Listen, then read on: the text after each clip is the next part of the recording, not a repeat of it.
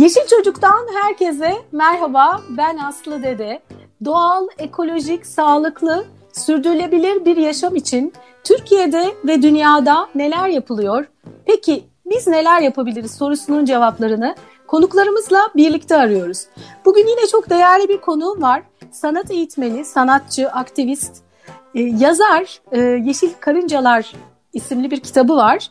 E, aynı zamanda Dönüşüm Derneği'nin kurucularından Niyazi Selçuk bugün konuğum. Hoş geldin Niyazi. Hoş bulduk, merhabalar.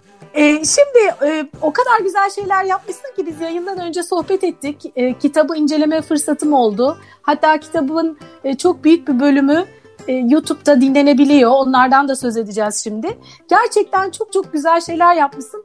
E, büyük bir heyecanla ben hemen e, bir kayıt alalım istedim. Bunu daha çok kişi duysun, bilsin istedim. E, Niyazi Selçuk, şimdi Dönüşüm Derneği'nin kurucularından dedik. Yeşil Karıncalar dedik.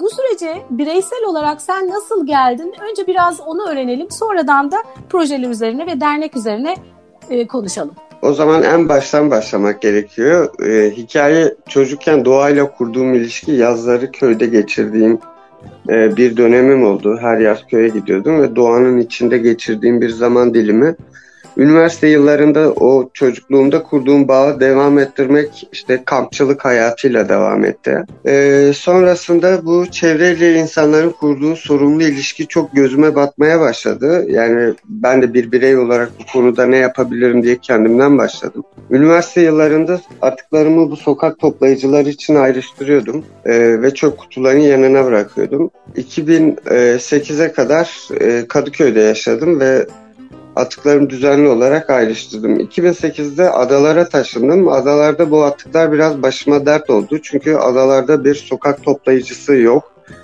e, ve bir toplama sistemi yoktu. Belediye ile yaptığım görüşmede bununla ilgili çalışma yürüttüklerini ve aldıklarını söylediler. İki yıl atıklarımla yaşadım o süreç boyunca. Sıfır atıklı bir yaşama geçmiştim çünkü adada organik atıklarımı da bahçede kompost yapıyordum.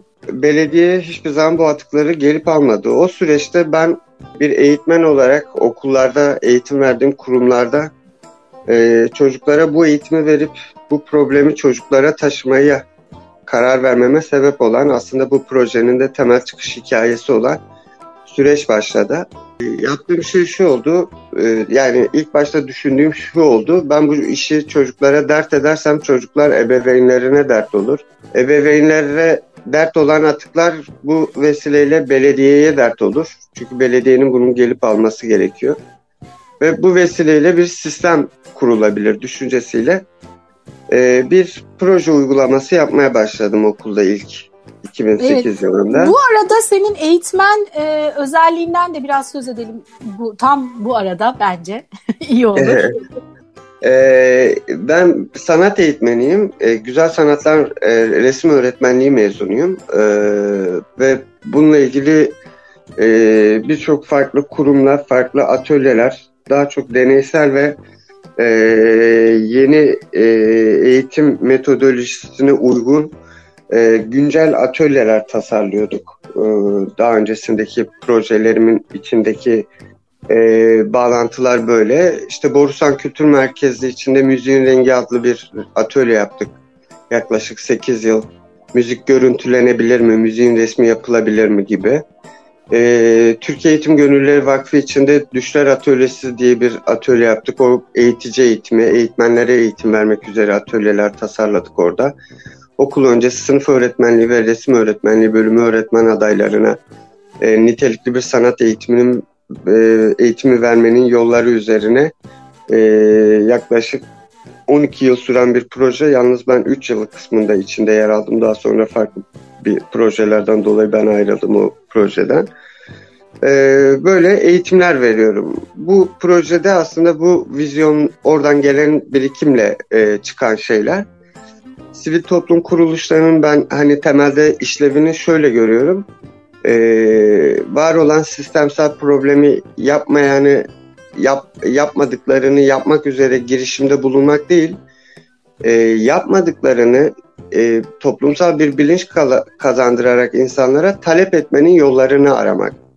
Aslında bu okuldaki ilk verdiğim eğitimde bunun bir başlangıcı oldu.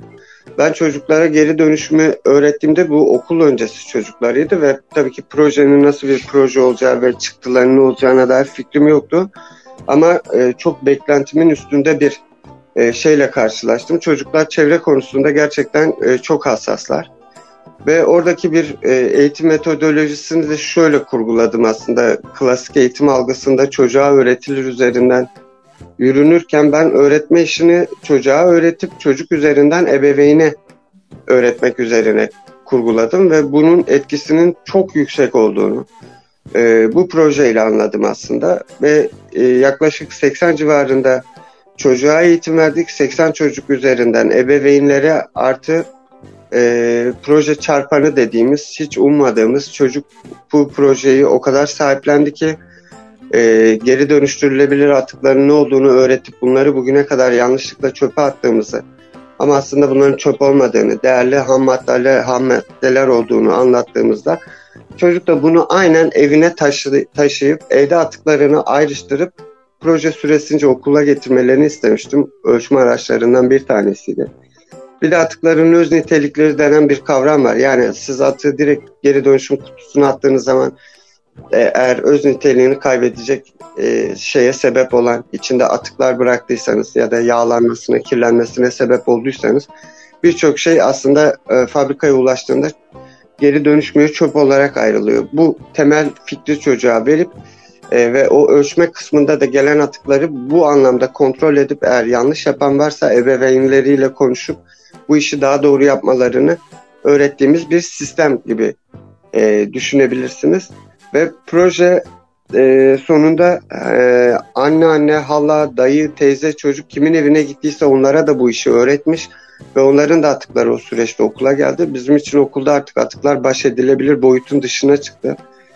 Ve orada belediye orada hiç toplama yapmazken ve belediye ile bağlantıya geçirip velileri e, telefonla yaklaşık 360 civarında hane baskı yaparak e, belediyenin hiç e, toplama yapmadığı yerde bir toplama sistemi kurmasına sebep oldu ve daha dernek yoktu.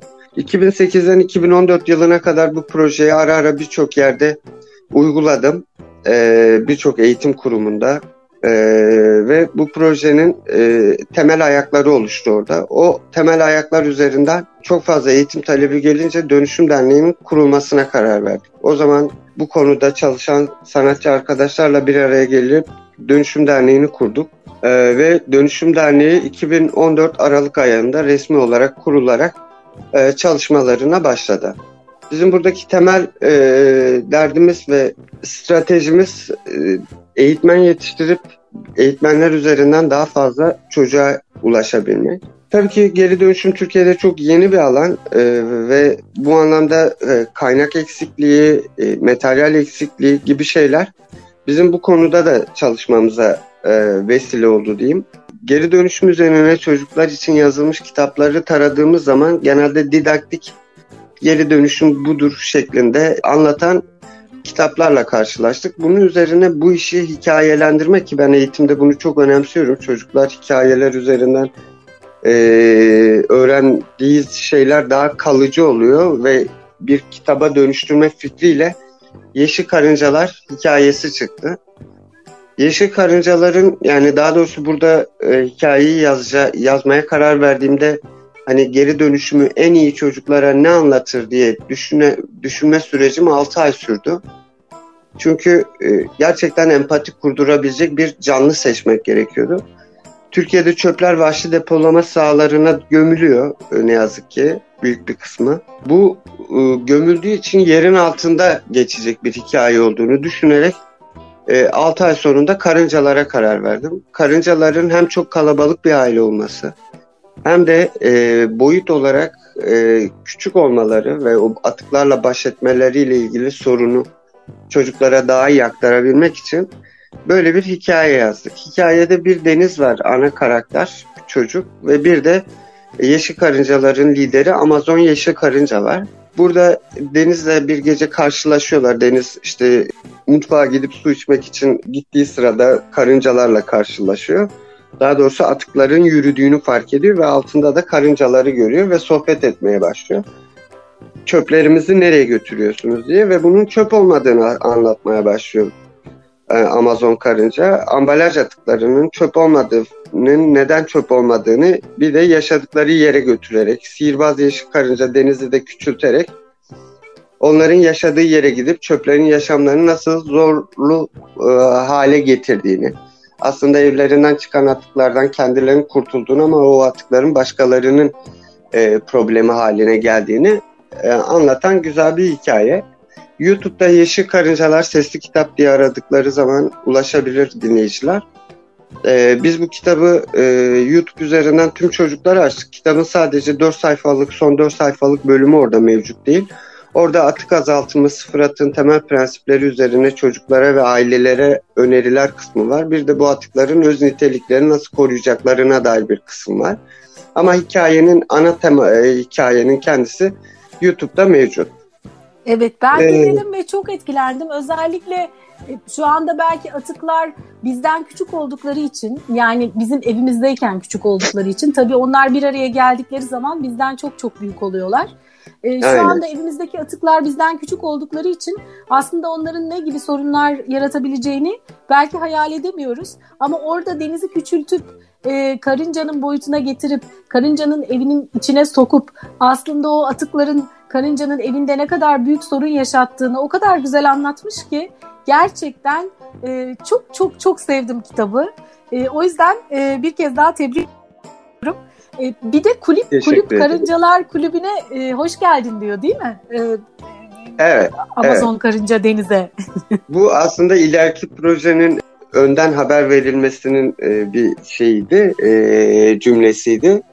E, Denizli Yeşil Karıncalar Kulübü'ne alıyorlar. Çünkü zaten hani biz bu eğitimi verdiğimiz yerdeki çocuklara da işte bir kulübe üye olma, işte bu geri dönüşüm sorumluluğunu alma fikrini çocuğa aşılamaya çalışıyoruz. Bu Yeşil Karıncalar e, bizim eğitim araçlarımızdan ilki. Biz aslında dernek olarak da Türkiye'de sürdürülebilir bir ekonomik model yaratmak gayesiyle e, hareket ediyoruz. Yani fonlara bağımlı olma hali e, sürdürülebilirlikle ilgili temel bir sıkıntı yaşatıyor ve biliyorsunuz Türkiye'de ne yazık ki sivil toplum kuruluşlarına üye olma sayısı bizde çok az bu konudaki hassasiyet. Biz de aslında hani bunu da böyle insanlara eleştirdiğimiz bir şey değil. Yani insanlar içinde bulunmak istemiyorsa bu konuda bir şey diyemeyiz. Ama bunun katılımcısı yapma fikriyle aslında bir yola çıktık. Burada kitabı biz kendi imkanlarımızla bastırdık. E, yayıncı yok, e, dağıtımcı yok. E, ve burada şu fikirle e, bir marka yaratıp Yeşil Karıncalar bir sosyal girişim modeli. E, bu eğitimde kullandığımız materyalleri, geliştirdiğimiz materyalleri satışa açarak e, bu, buradan elde edilen gelirle kitabın fikri şunun üzerine kurulu Yeşil Karıncalar kitabından bir tane aldığınız zaman ekonomik olarak yani çocuğunuza çevre eğitimi vermek için aldığınız bir kitapla çevre eğitimine ihtiyacı olan iki çocuğun kitabını karşılamış oluyorsunuz. Yani aslında üç kitap almış oluyorsunuz. Biz de o satılan kitabın yerine üç kitap basıyoruz. Biri tekrar satış için ayrılıyor. iki tane de ekonomik olarak ya da ekonomik sebeplerle bu e, kitaba erişemeyen çocuklara kitap olarak ulaştırılıyor. Evet, bu e, kitapla birlikte aynı zamanda atölyeler de yapıyorsunuz. E, biraz evet, da ondan evet. söz edelim. E, ona geçmeden şu e, hem tamam. oyundan hem de web sayfasından bahsedeyim, sonra da ondan bahsedelim. Tamam. Bununla ilgili biz de şu anda yeni e, bir oyun geliştirdim. E, Yeşil Karıncalar bir sıfır atık, pardon bir geri dönüşüm hikayesi kitabıyla bağlantılı Yeşil Karıncalar bir geri dönüşüm, e, bir sıfır atık oyunu diye bir oyun tasarlandı. Oyun kutusu içinde 6 tane farklı oyun mevcut. Okuma yazma bilmeyen çocukların atıklarla renkler arasında eşleştirme yaparak oynayabildiği, artı 4 yaştan 99 yaşına kadar herkesin oynayabileceği bir oyun aslında. Geri dönüşümle ilgili hepimizin bir bu konuda fikri var ama tam olarak bu işin nasıl yapıldığına dair e, ya da nasıl yapılmasına ge- gerektiğine dair böyle dokümantasyon şeylere ulaşmak pek imkan dahilinde değil. İşte biz bu bilgilerin hepsini bu oyunun içinde kullanarak e, sorulu oyun var, e, bir çöp kamyonu var, onun üzerinden bir oyun var, renkli zarı var. İşte bu atıkların e, altı farklı atık çeşidi üzerine kurgulanmış. Bu atıklarla kutuları arasında eşleştirme sağlıyor. Bir de kartları var. Atıklarla kartlar arasında eşleştirme sağlamalarınız geliştirmek üzere kurgulanmış e, bir oyun. Bir de bununla bağlantılı Yeşil Karıncalar bu sahada verdiğimiz eğitimleri işte bu atölyelerinden de birazdan bahsedeceğim. Verdiğimiz eğitimlerin hepsini dijital bir platforma taşıdık. Yeşil Karıncalar Kulübü.com diye bir site ama şu anda site aktif değil. Sitenin yazılım kısmı bitti. Aktif e, şey içinde yer almakta. E, bizim server üzerine yüklenmiş durumda. Sadece videolarla ilgili bir sponsorluk görüşmelerimiz devam etmekte. Ee, içeriğinde çocuk, öğretmen ve aile profilinin olduğu, uzaktan eğitime uygun bir sistemin kurgulandığı, e, oyunlaştırmayla çocukların e, izlediği videolar ve gelen cevaplar karşısında puanlar topladı ve o puanlar top, topladığı puanlar karşılığında Yeşil Karıncalar sertifikasına eriştiği ilk oyunlaştırma kurgusunun yapıldığı ilk sitemiz hazır. Sadece bu kısmın e, içindeki bu geri dönüşüm, sıfır atı, karbon ayak izi, su ayak izi ve benzeri başlıkların yer aldığı ama bunlar çocukların seviyesinde ve çocukların anlayabileceği içeriklerden oluşmakta. Ve burada hmm, çocuklar bu içeriklerden e, faydalanarak çevreyle ilgili e, evinde bir sıfır atık hareketi başlatmasına dair tüm e, yol ve yöntemler çocuğa öneriliyor. En önemli şey geri dönüşümle ilgili e, bu işi evde yapmak için insanların en temel problemi ikinci bir kutunun olmaması ve bu alışkanlığı sürekli hale getirememesi. Orada da projenin o kısmını da biz bir e, tasarla yayınla diye bir bölüm ekledik. Sertifikaya erişebilmesi için en yüksek puanın yer aldığı kısım orası. Evde kullanacağı geri dönüşüm kutusunu ailesiyle tasarlayıp sisteme yüklüyor. Sisteme yükledikten, yükledikten sonra Yeşil Karıncalar sertifikasının e, e, hak edebiliyor ve bu vesileyle o evde biz en azından geri dönüşüm hareketi için bir adım atıldığına dair bir fikrimiz oluyor. Öğretmen profilinde ise öğretmenler öğrencilerini davet edebiliyor. Öğret öğretmenler o profilde öğrencilerin profillerini görebiliyor. İçerideki içeriklerin yüzde kaçını izlediğini, ne kadarını izlemediğini görüp öğrencilerine ulaşıp e, bu konuda yönlendirme yapmalarını sağlayabilecek bir altyapı sisteminin olduğu bir yazılım diyeyim size. Evet. Hı hı. E, bunu biz pandemiden önce tasarlamıştık. İlginçtir işte hayat bize pandemiyi de getirince tesadüf hani biz biraz önden görmüş gibi olduk ama eğitimin zaten böyle bir alana kaydığını bir eğitimci olarak gördüğüm için aslında ve bir de farklı yerlerdeki insanlara ulaşabilmek için böyle bir projeye imza atıyorduk o sırada. Evet, e, kitaba şu an e, nereden, kitabı almak isteyenler nereden ulaşabilirler? Kitap Good for Trust üzerinde e, satışta. Oradaki platformda Yeşil Karıncalar diye aratırlarsa e, Good for Trust, for 4 yani 4 ile yazılıyor. E, good, rakamla yazılıyor. Yani İngilizce evet. good, evet. for 4 yazacaklar, trust yazacaklar. Evet, aynen öyle. Hı hı.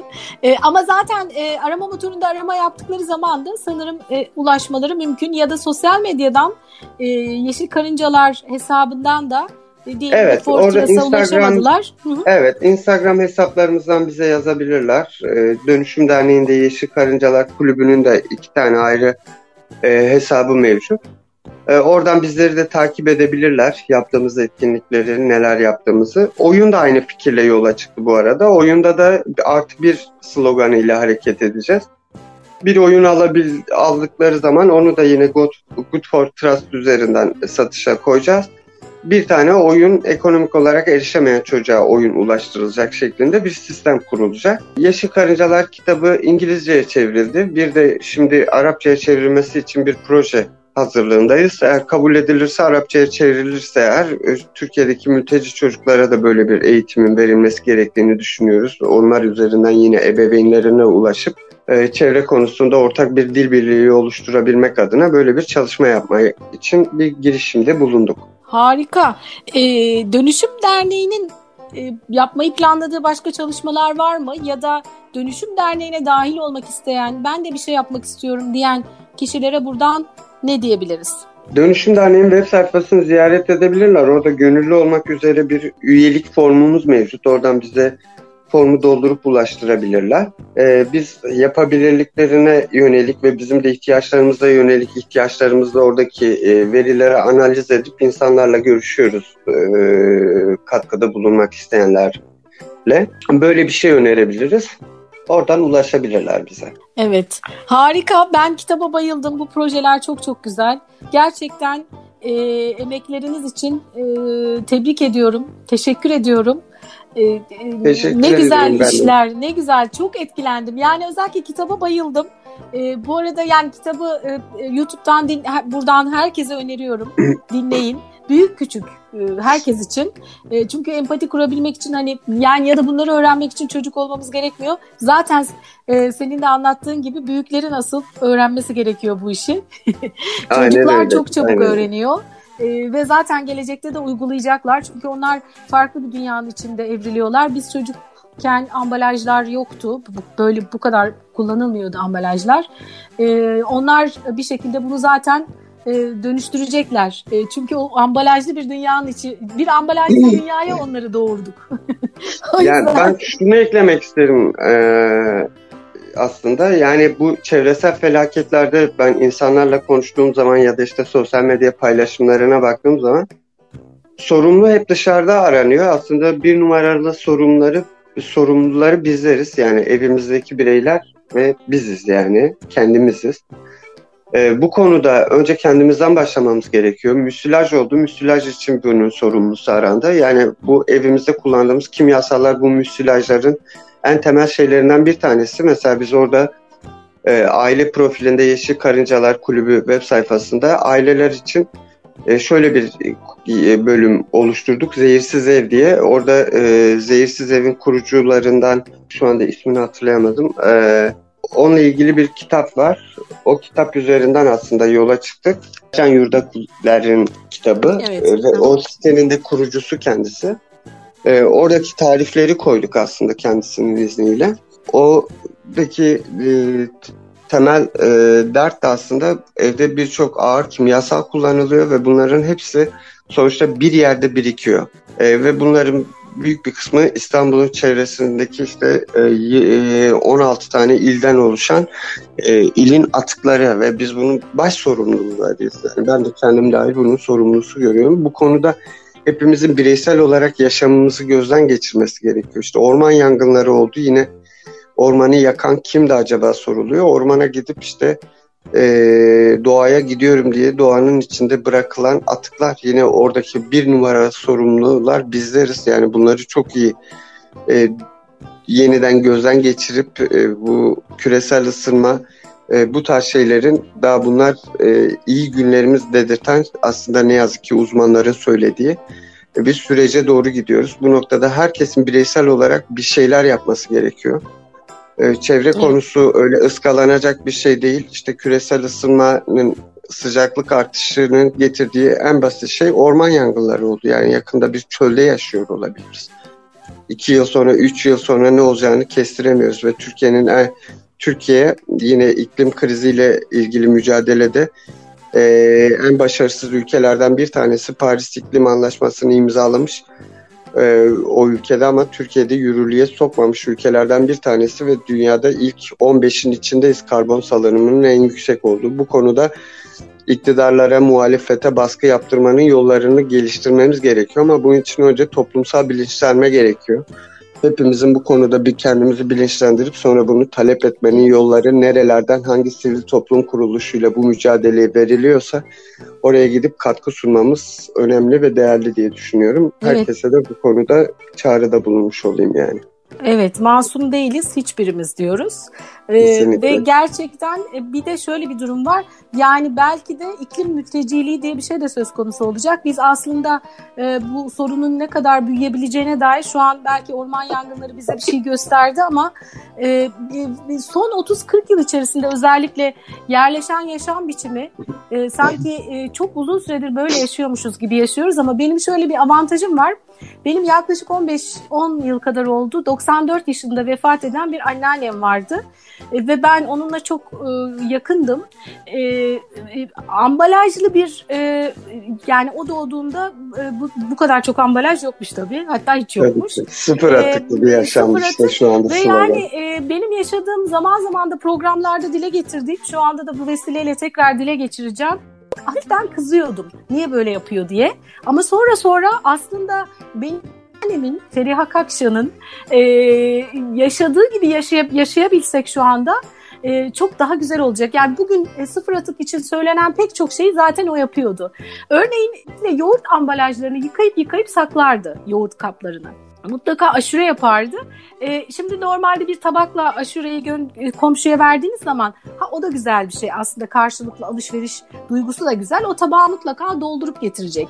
Ama o karşıdaki kişiye bir zahmet vermemek için kendince bir fikir üretip bütün o kovaları aşure zamanında aşureleri onun içine koyup yani hani içine bir şey koyup getirmelerine evet, gerek kalmasın evet. diye.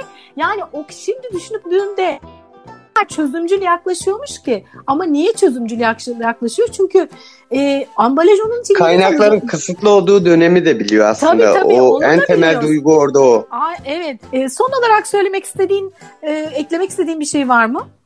Şunu eklemek isterim. Bu son bahsettiğin aslında doğrusal ekonomiyle döngüsel ekonomi. Yani kullanat ekonomisi yerine döngüsel yeniden dönüşümün içine e, katmak ve e, bütün kurgunun böyle yapılması üzerineydi aslında bahsettiğim.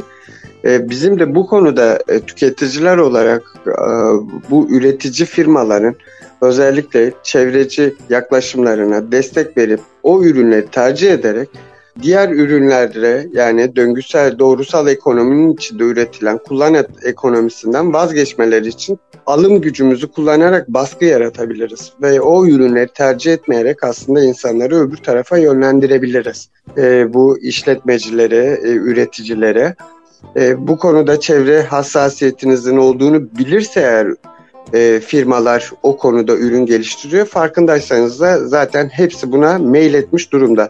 Tüketiciler eğer ona o çevre konusunda çevreye zarar veren ürüne erişmezse e, bu konuda e, hemen stratejiyi değiştirip daha çevreci ürünler geliştirmeye çalışıyorlar. Bu da bizim aslında satın alma gücümüzün getirdiği bir yaptırım. Bu yaptırımı da gündelik hayatımızda kullanabiliriz. Bir önerimiz de bu olsun. Ben Aslı Dede, bir başka Yeşil Çocuk'ta yeniden buluşmak üzere Yeşil kalın.